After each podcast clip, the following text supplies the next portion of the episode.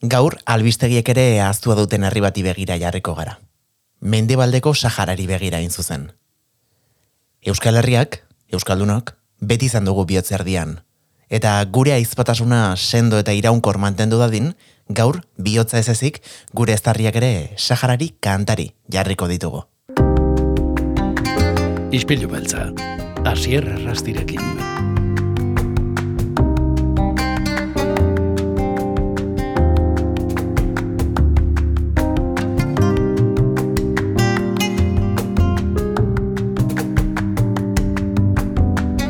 Kristina Berasain, ongi etorri gure izpilura.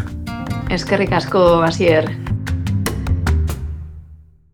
Zer modu zabe, Kristina? E, imaginatzen dut, bueno, ba, emozio eta nervio puntu bateri izango duzula, ez? Hor, sabelean, azkenean, bueno, ba, azkeneko aste hauek bereziak izan direlako zuretzat, eta eta datuzenak ere hala izango direlako.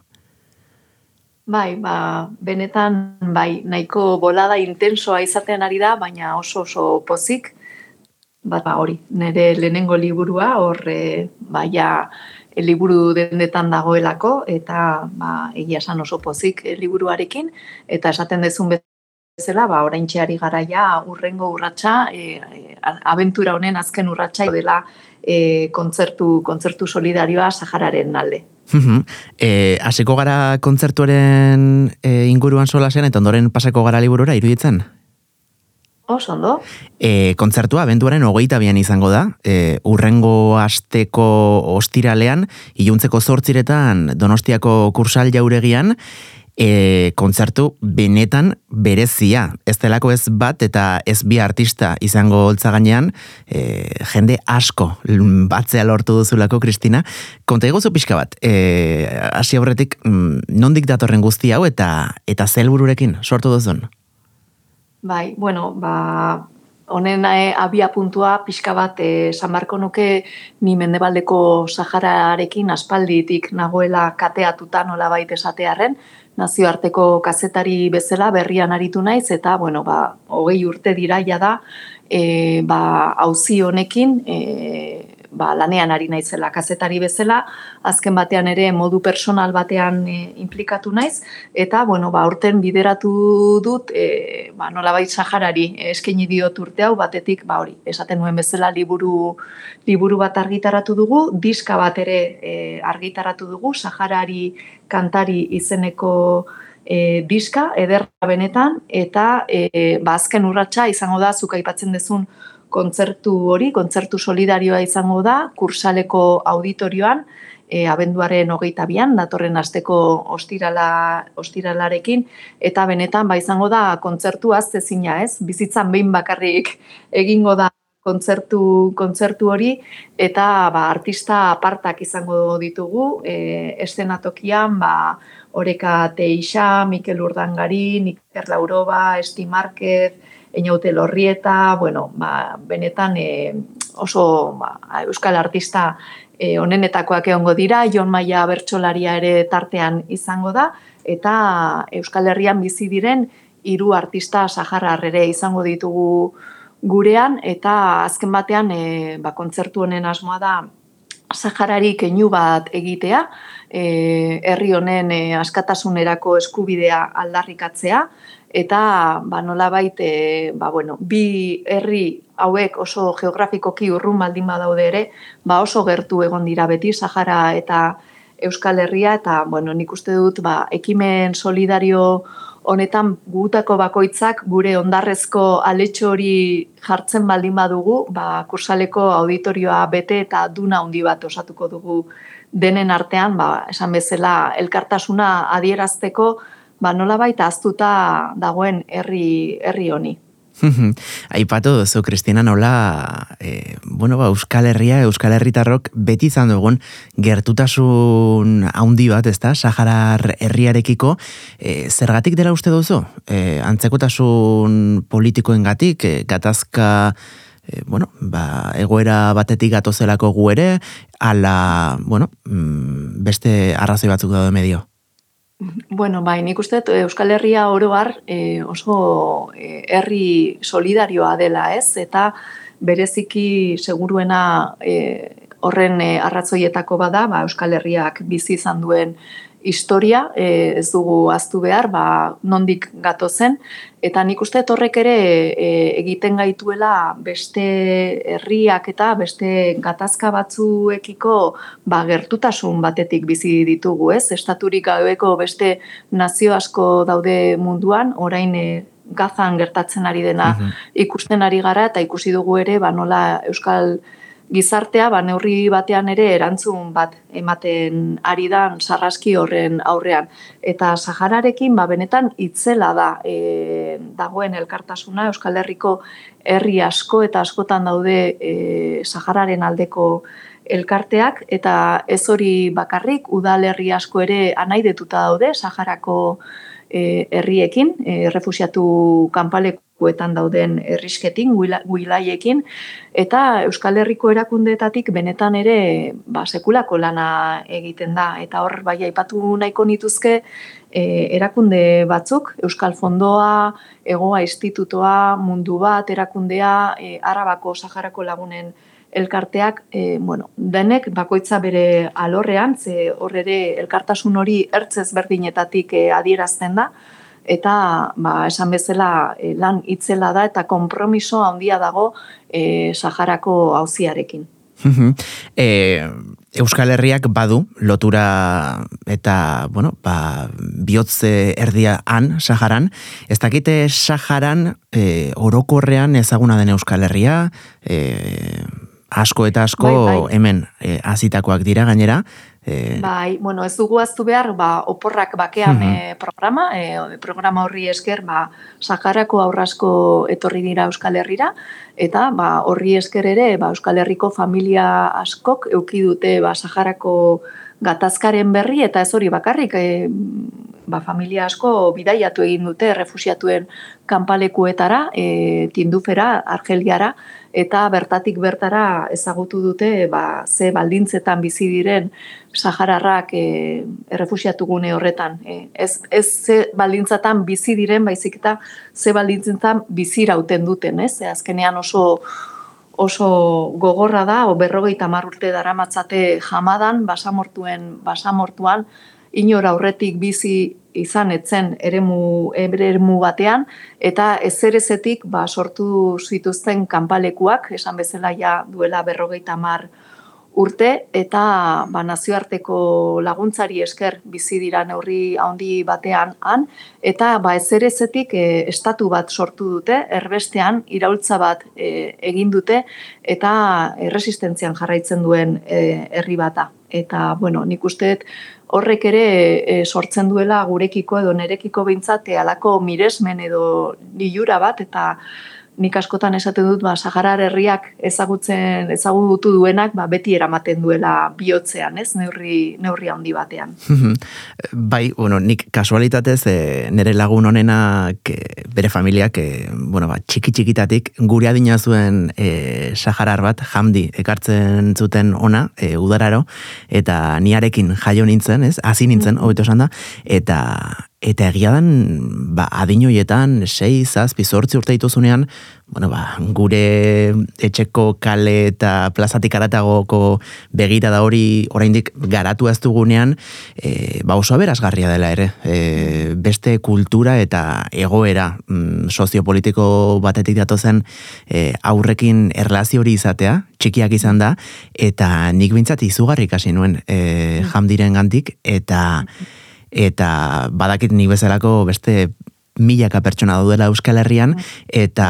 Mm, Ez, ederra da, ze, ba, aur sahararrak txikitandik e, daukate oso barneratuta, ez? Beraiek sahararrak direla, hmm, beraien e, herriaren historia eta egoera oso ondo ulertzen dute txikitandik, eta ba, horretan ere, ba, nik uste dut eredugarriak direla, ez? E, naiz eta kanpalekuetan ja hirugarren belaunaldia da e, bertan errefusiatuen kanpalekuetan e, sortzen eta jaiotzen diren aurroiek sekula ezagutu ez dutenak beraien lurraldea, e, mendebaldeko Sahara, hala ere beraien marrazkietan beti beti itsasoa marrazten dute ba, mendebaldeko Sahara e, margotzen dutenean, ez? Eta ez dugu behar gainera Euskal Herrian gero eta Saharar gehiago ere bizi direla, azkenean e, ba, errefusiatu guneetan bizitzea oso ankerra da, eta, eta bueno, ba, familia guztiek nolabait esatearen daukate norbait, zenideren bat atzerrian bizi dena, diasporan,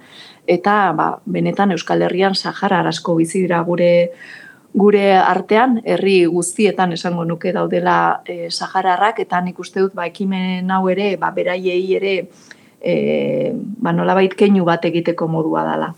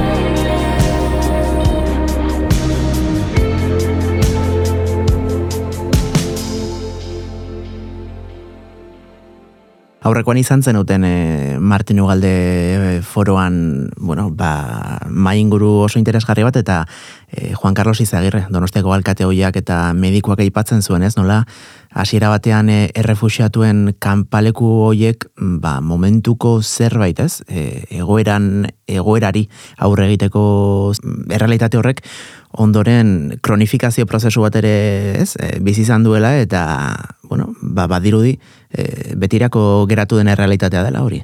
Bai, hala da. Azkenean e, Marokok mendebaldeko Sahara okupatu du zuenean, mila bederatzireun da irurogeita mabosgarren urtean, Sahararrek basamortutik ies egin behar izan zuten, exodo bat izan zen, e, bide horretan gainera Marokok e, napal eta fosforo zuriarekin bombardatu zituzten e, sahararrak, zituen sahararrak, eta esan bezala ba, argeliak e, otxailean e, ba, mugak zabaldu, eta hor hor babestu ziren, berez behinbeinekoa behar zuen e, egoera bat, e, ba, kanpaleku horiek e, sortu ziren, pentsatuta ba, denbora baterako kontua izango zela eta behin behineko tasun hori ba, betikotu eginda eta kanpaleku horiek ba, esan bezala ia berrogeita mar urte daramatzate zutik, hain zuzen ere ba, nazioarteko zuzinbideak e, Sahararrei aitortzen dien eskubide hori ez delako bete arazi, e, dakizuen bezala erreferendun bat e, egiteko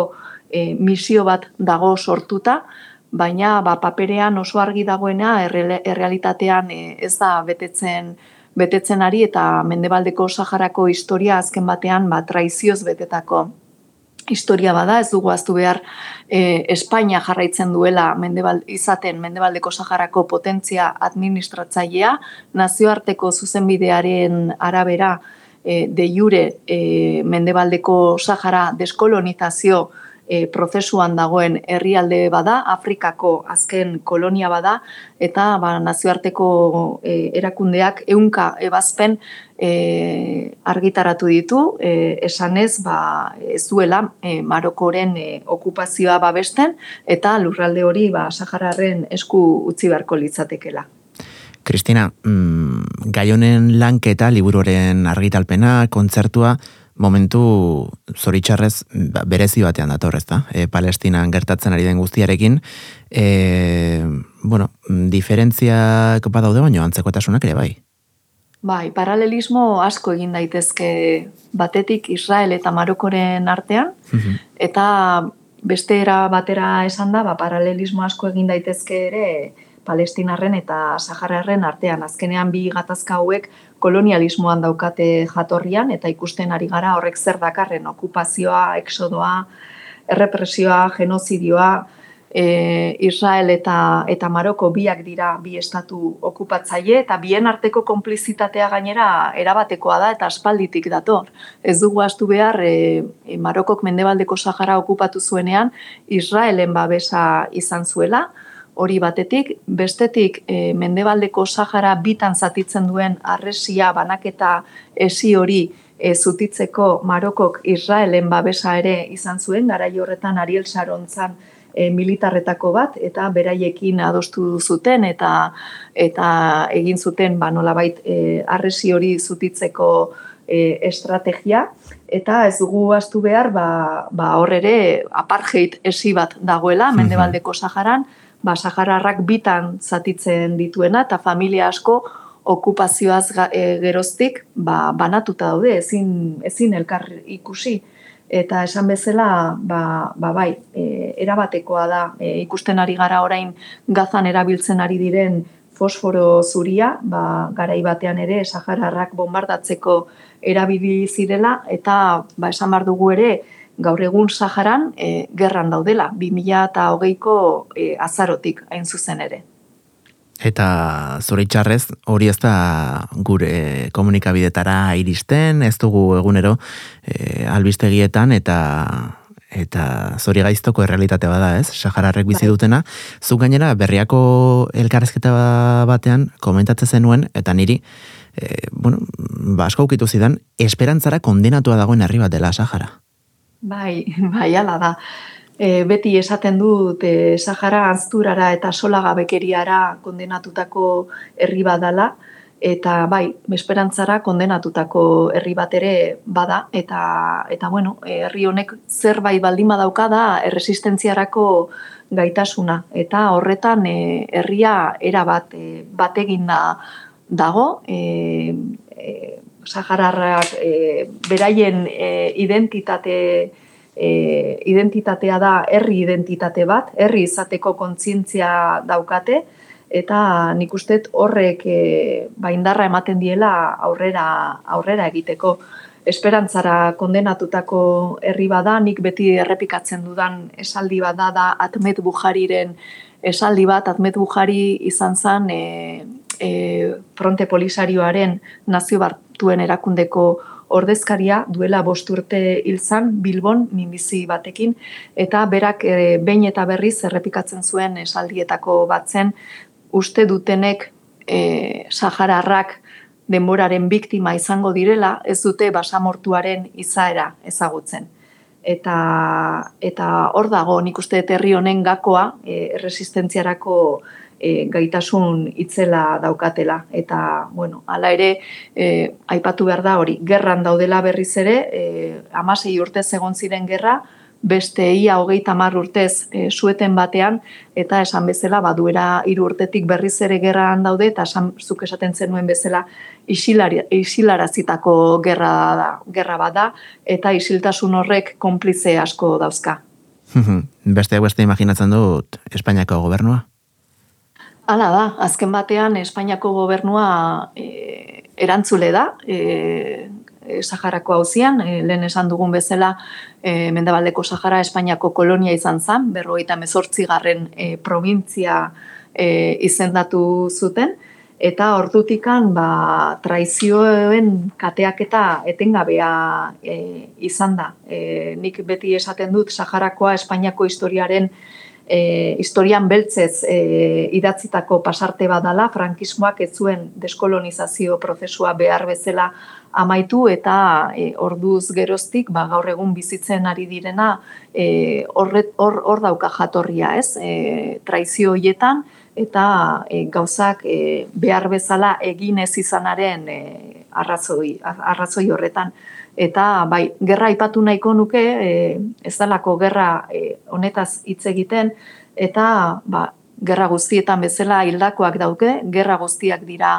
ankerrak, egunero edo astero gertatzen dira e, ba, albiste, albiste txarrak, justo aurreko duela bi, bi aste e, jakin nuen libururako elkarrizketatu nuen e, pertsonetako bat Mohamed Lamin Atmet, fronte polisarioko sortzaileetako bat, gizon hau entziklopedia bat da, e, askapen mugimendu honen sorreratik e, dago ba, buro politikoan, eta ba, berak e, gerra honetan e, e, seme gaztena galdu du ba, duela bi, bi iru aste. Geltoki itxonetan Garraio gaia Bera benean Oraina ez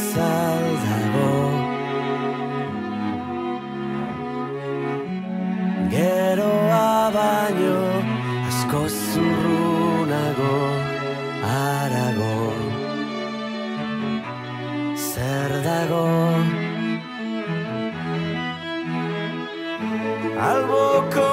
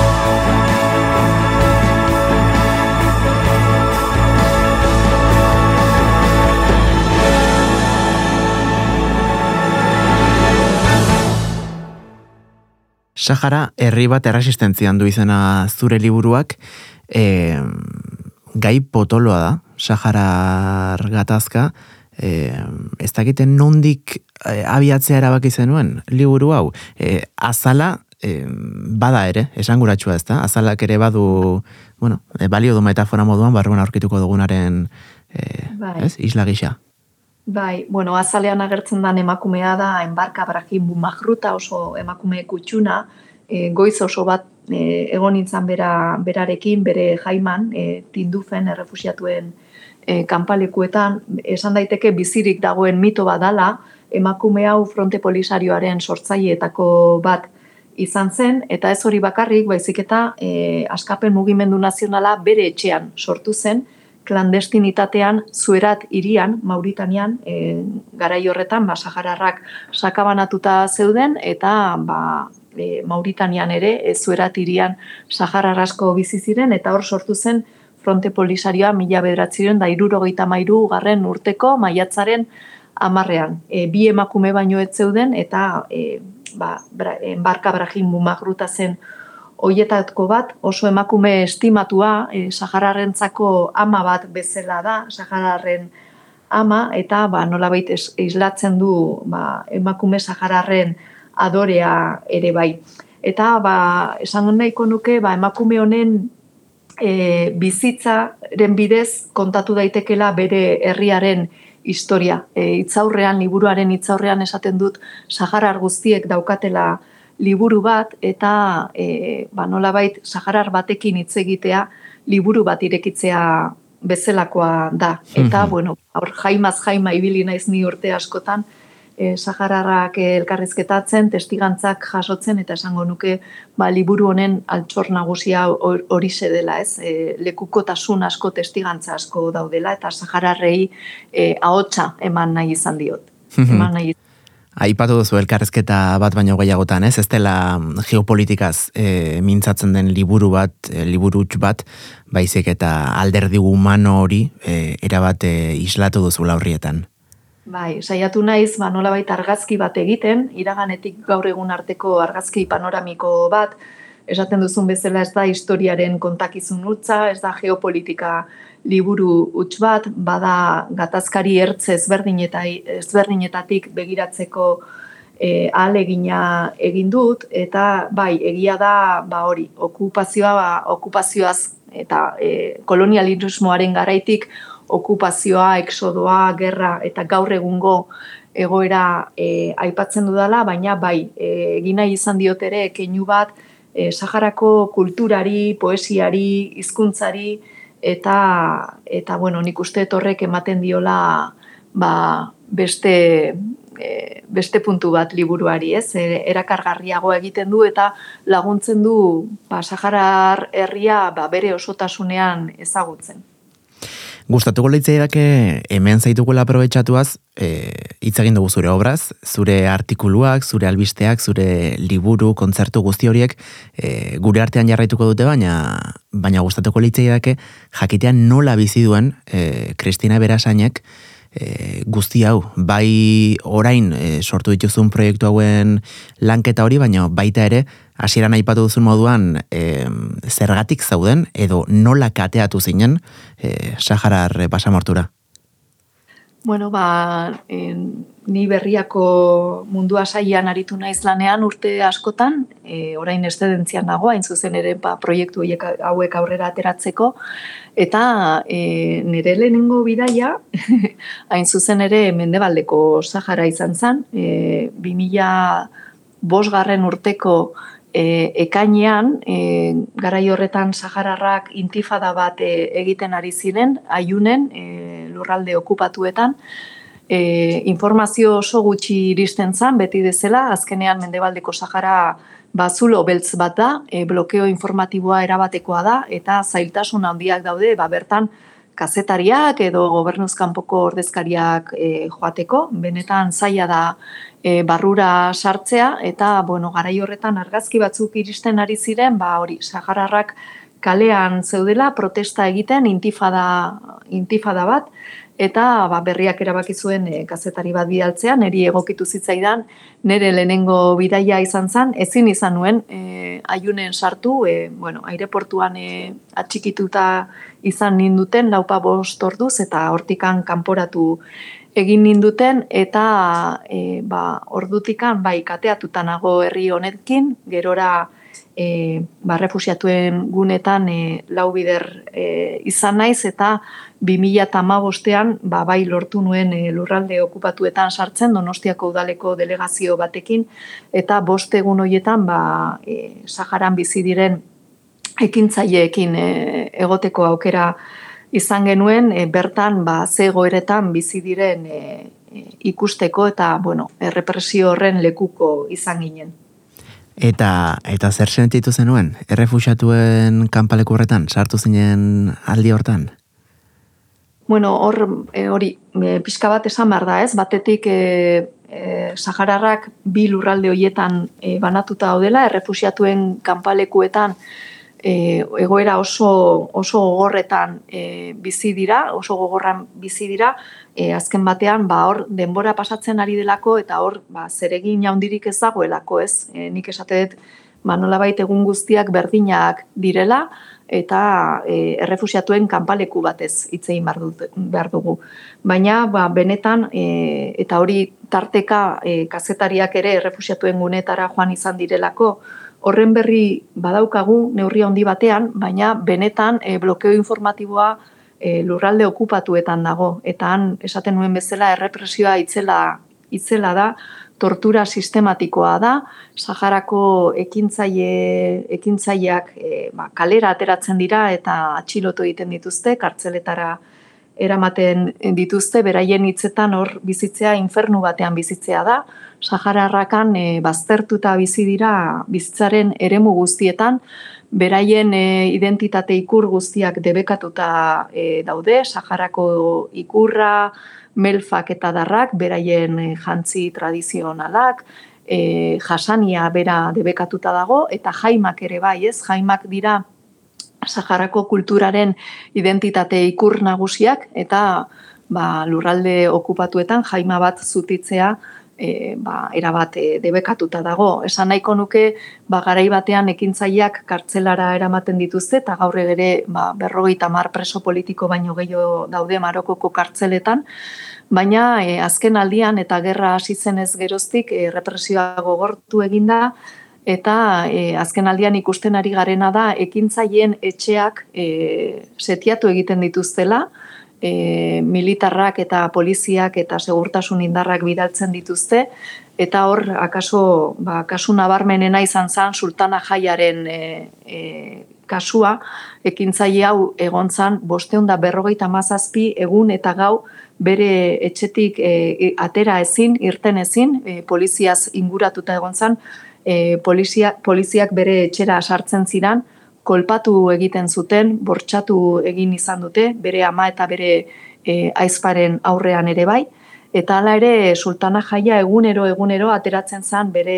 etxeko e, teiatu laura, e, Saharako ikurra astintzera eta irudi hori ere bilakatu da nolabait erresistentziaren ikurretako bat. Jo, beraz, egoera oso krudela, han bizi dena, e, oso gordina eta eta bueno zure lanari esker beintzat ba Euskal Herrian barrena eta hemendik aratago ere ba zabalduko den errealitatea e, hori behar delako. Beintzat e, hori dugulako gure aldetik ezta? E, egin dezakeguna. Eta e, kasu honetan lehen ez dakite ipatu dugun, baina e, Saharari kantari bai diskako eta baita kontzertuko e, diru irabazi guztiak e, Saharako kultur ondarea babestera e, bideratuko dira.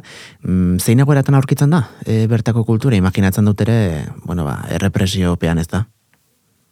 Bai, hori da, batetik lurralde okupatuetan, ba, esan bezala, Saharako kulturaren ikur guztiak eta adierazpen guztiak e, debekatuta daude, e, klandestinitatean ospatu behar dituzte, ba, beraien, beraien festak, beraien, ba, hori poesia emanaldiak, ez dugu aztu behar, ba, Saharako e, herria ahozko tradiziotik datorren herri bat dela, eta ba, beraien kantak, beraien hori poesia emanaldiak, ba, klandestinitatean e, egin e, dituzte.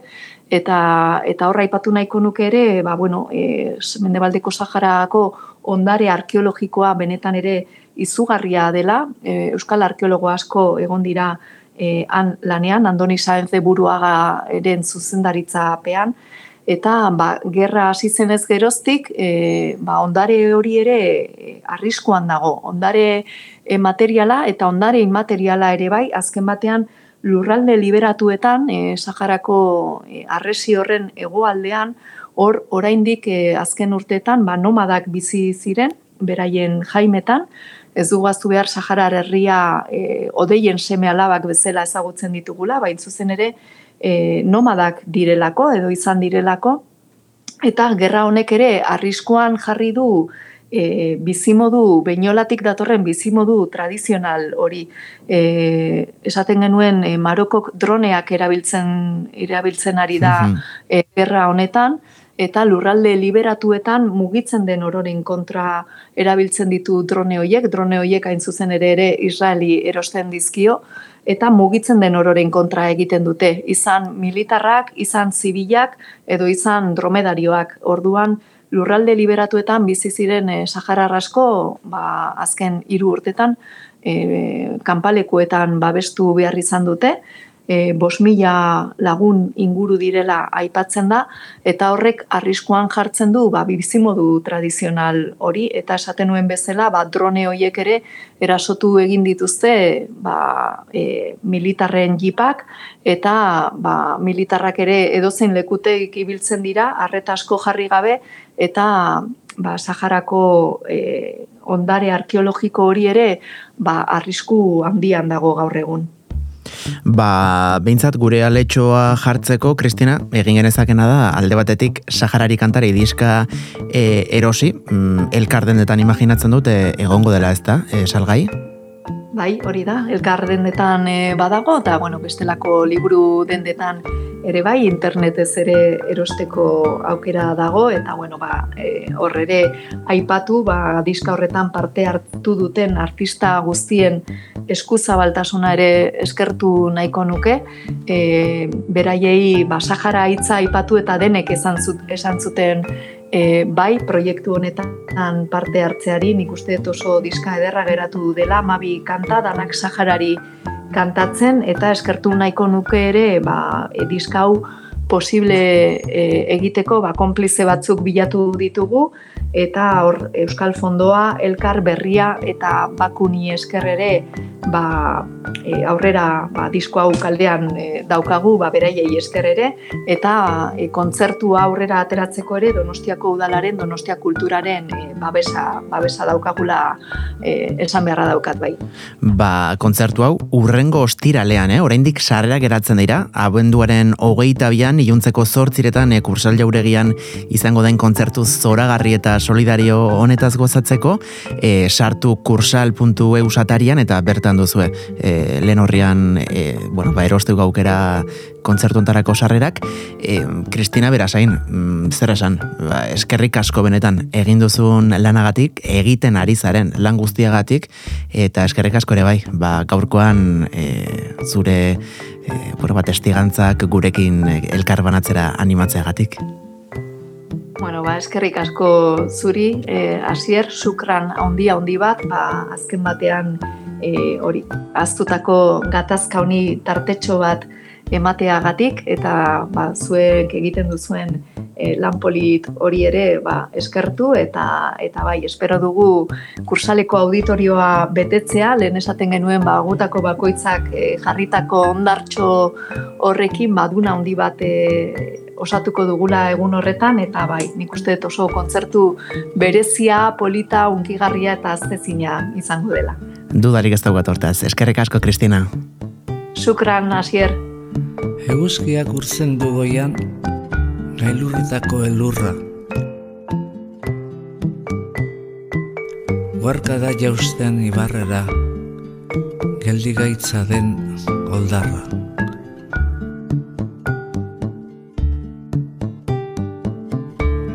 Gure baitan datza euskia, iluna eta izotza. Urratu dezakeen argia, urtuko duen bihotza.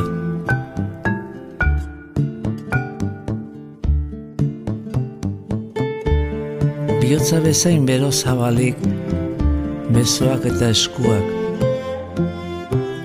Gorririk ikus dezagun egia, argiz beterik burua.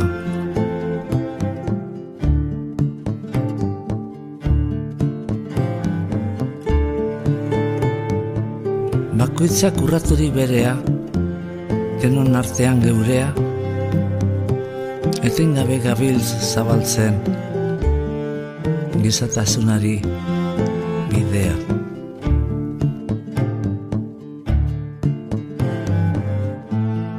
Batek goze diraueno, ez gara gu azetuko.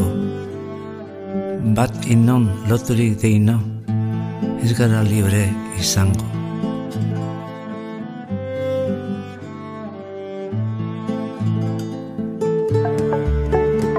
Inor, ez inor menpekorikan, nor bere buruan jabe, herri guztiok bat egin ikan, ez gabiltz και το ρίγκαμε.